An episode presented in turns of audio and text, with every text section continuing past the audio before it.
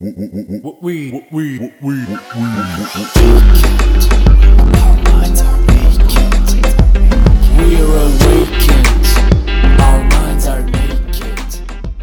Pozdrav svima, ja sam Martina Đokić, a vi slušate podcast Mentalni nudista. Nalazimo se u epizodi 44 sezone 2 i u ovoj epizodi govorit ću malo o tome zašto nas ljudi lažu, odakle laži, kako su nastale, zašto ih koristimo, a svi ih koristimo u manjoj ili većoj mjeri, makar slagali gdje se u ovom trenutku nalazimo dok kasnimo. zašto se neki ljudi dalje služe time, zašto i dalje puno lažu i tako dalje. Mm, pre nego što uđemo u ovu tematiku, jako mi je važno da spomenem jednu stvar koja je generalno jako zastupljena u čovječanstvu, a to je potreba za polaritetima.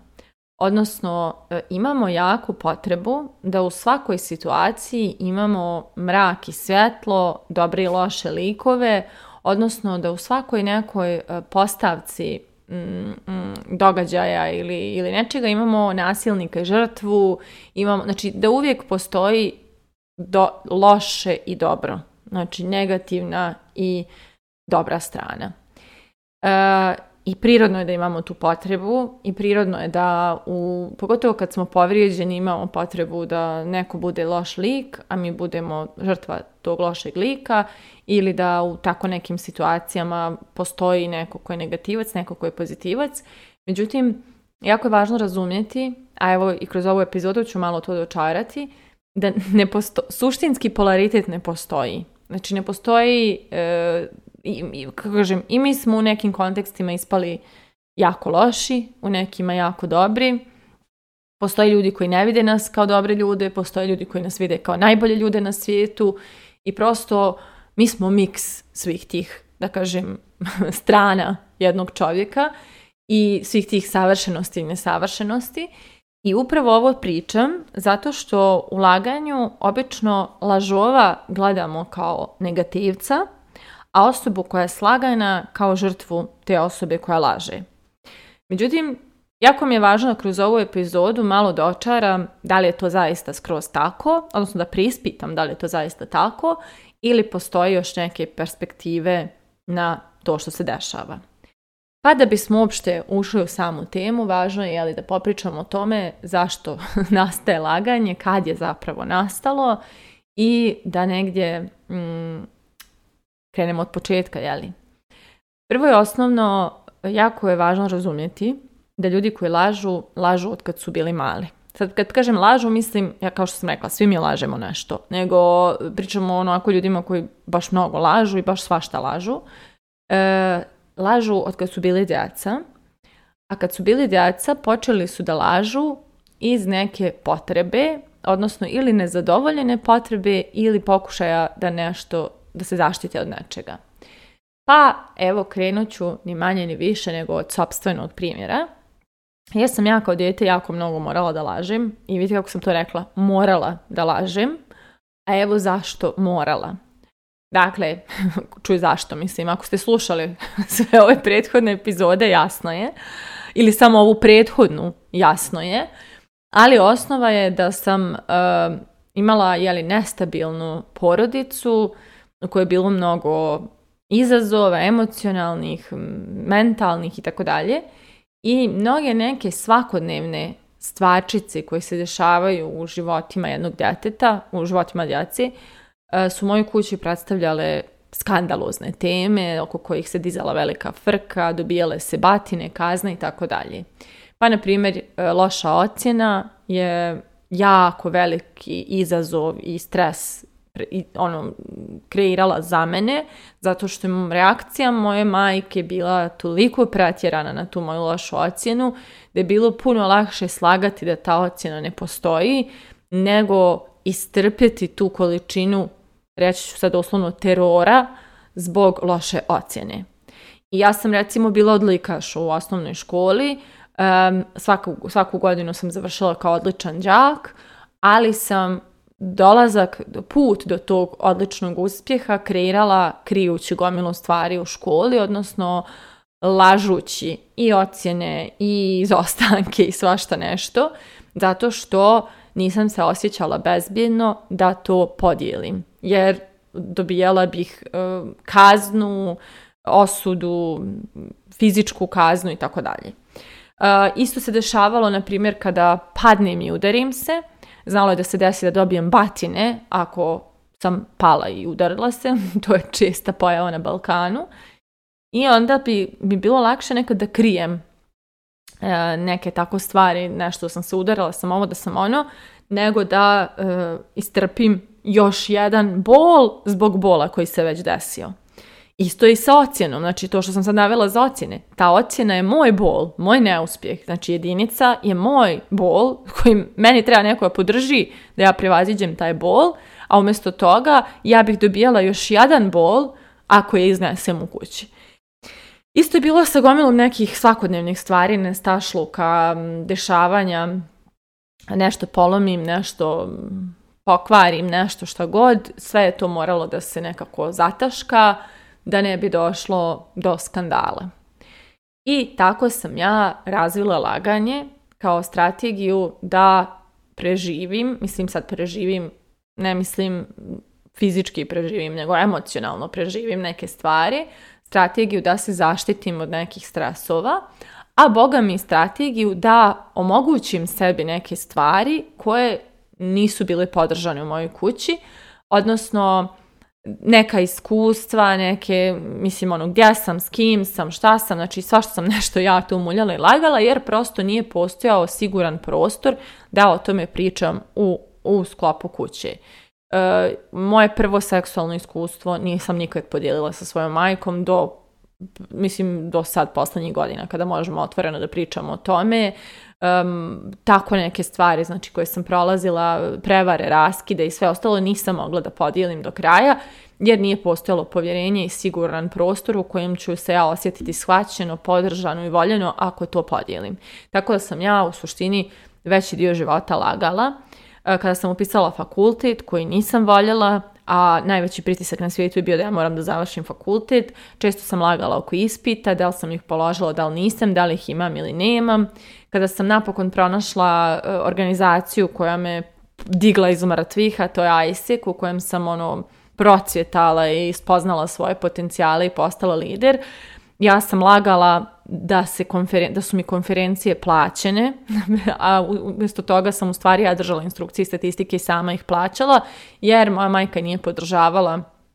taj moj angažman zato što je smatrala da mi to oduzima vrijeme od fakulteta koji moram da završim. Tako da, svašta sam ja lagala i bilo je jako naporno. I kao što vidite, tako nastaju laži. Postoje laži koje nastaju zato što se ne osjećamo da vrijedimo dovoljno i imamo jako nestabilnu i krhku ideju o sobstvenoj vrijednosti i onda lažemo da bi nas neko prihvatio i validirao i da kažem pomislio da smo mnogo bolji nego što mi osjećamo da jesmo. E, nekada lažemo jer se bojimo da ako pokažemo svoje nesavršenosti e, bit ćemo odbačeni a ne želimo i bojimo se, ne želimo da budemo odbačeni i bojimo se da će nas ta neka osoba odbaciti. Tako da, kao što vidite, laganje dolazi iz jednog jako sjebanog dijela nas, da se tako izrazim, dolazi iz ranjenosti, iz straha, iz nesigurnosti, i iz nebezbjednosti, znači iz mraka u nama. Znači ono ne dolazi iz toga što smo mi zli, jer ja iskreno ne vjerujem u zle ljude, ja vjerujem da smo svi mi rođeni kao divni, ali nas je iščašilo način okruženja u kojem smo odrasli, način na koji smo odrasli. Ja sam proučavala to, ne znam da li sam to nekad spominjala u podcastu, ja sam pisala na rad na temu serijskih ubica, tako što sam dokazala da ih je, dokazala, mislim, bavila sam se time da dokažem da je njihovo djetinstvo zapravo njih pretvorilo u to. I uglavnom svi su bili zlostavljani, e, pa, pa, su se pretvorili u takve neke ljude. Cijela pojenta je, e, laganje dolazi uglavnom iz ranjenosti. I nekad je ta ranjenost toliko velika da mi osjećamo da toliko moramo da lažemo samo da bi nekako bilo kako osjetili bar malo voljenosti, malo podržanosti, malo ljubavi, malo bezbjednosti. Ono što je tužno u cijelom tom u cijeloj toj priči jeste da kada gradimo lažnu sliku o sebi, da bismo dobili osjećaj validacije i pripadanja i prihvaćenosti, mi se toliko trošimo u održavanju te lažne slike da mi ne stižemo ni da primimo tu validaciju i to prihvatanje koje nam daju ljudi kada vide tu lažnu sliku. Znači evo Instagram je super primjer toga, imamo čak ono čuveno Instagram versus reality, odnosno Instagram vs stvarnost gdje je prikaz koliko je to dvoje suprotno. Znači to se koristi kada hoćemo prikažemo kako nešto izgleda na Instagramu fenomenalno lijepo i uglađeno, a kako je u stvarnosti potpuno drugačije. E, toliko se lagalo i toliko su se gradile lažne slike, doslovno slike, da je to postala fora šta je Instagram, a šta je realnost. I nekako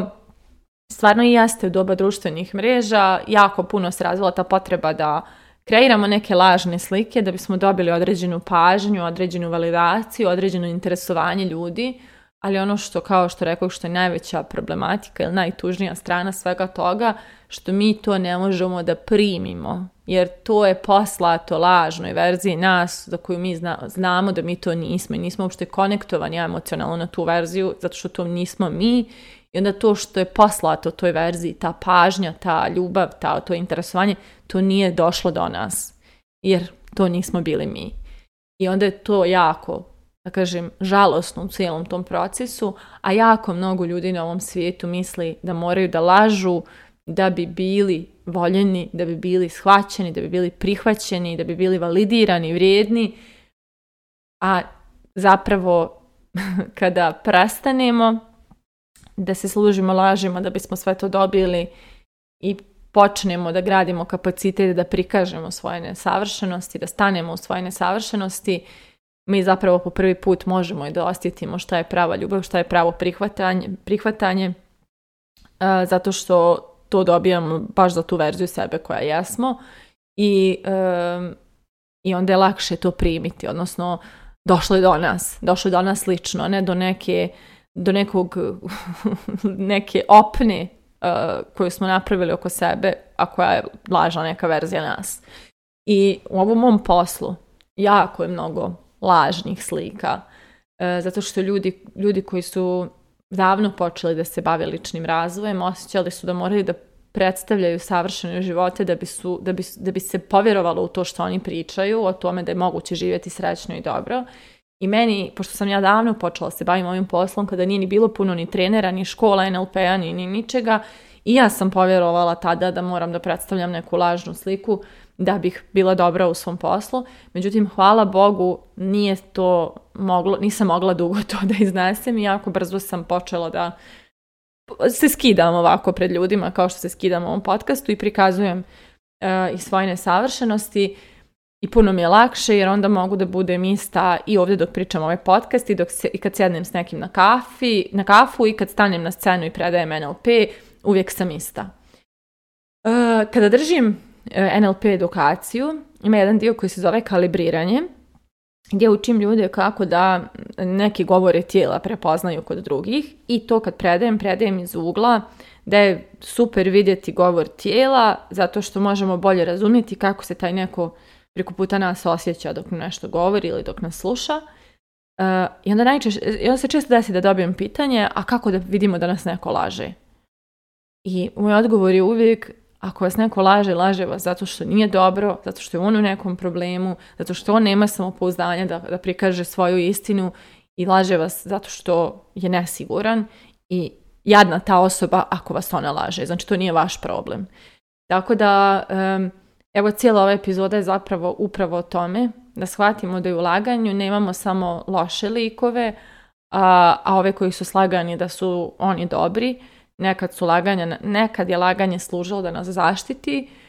kada nismo znali bolje, a onda se to zadržalo kao strategija u životu koja je služila dok smo bili djeca pa smo je zadržali kad smo odrasli jer nismo se razvili i prerasli tu strategiju. I ja to mogu da vidim recimo u poslu. Naprimjer, e, mnogo ljudi e, predstavlja lažnu sliku sebe da bi zadržali pozicije koje imaju, plate koje imaju i tako dalje i po meni to je toliko mučno. Zašto prosto ne bi, su, ne bi otkrili koja je autentična verzija njih i onda ta, ta autentična verzija da nađe savršen posao za sebe i savršen fit. Ali znate zašto to ne rade? Zašto se drže laži? Zato što ne vjeruju da u ovom svijetu ima mogućnosti u kojima će sve to što oni jesu biti dovoljno da oni žive dobro od toga što jesu, radeći to što voli i da će od toga moći, da će to neko validirati i davati im novac za to. I onda ljudi lažu šta su, lažu, lažu kosu da bi opstali, da bi preživjeli, da bi imali od čega da žive. Tako da, eto, laži su zapravo tužna verzija nas, ranjena verzija nas i jako je žalosno kada ljudi moraju E, da se prolaze kroz život vjerujući da je laganje jedini način da budu voljeni, prihvaćeni i validirani. Tako da moje pitanje za kraj ove epizode je da li vi u svom životu imate neke dijelove, neka polja u kojima i dalje lažete da biste ostali prihvaćeni, voljeni, validirani ili ste uspjeli da većinu stvari u svom životu postignete uz pomoć svoje autentičnosti. Mislite o tome, a mi se družimo u narednoj epizodi.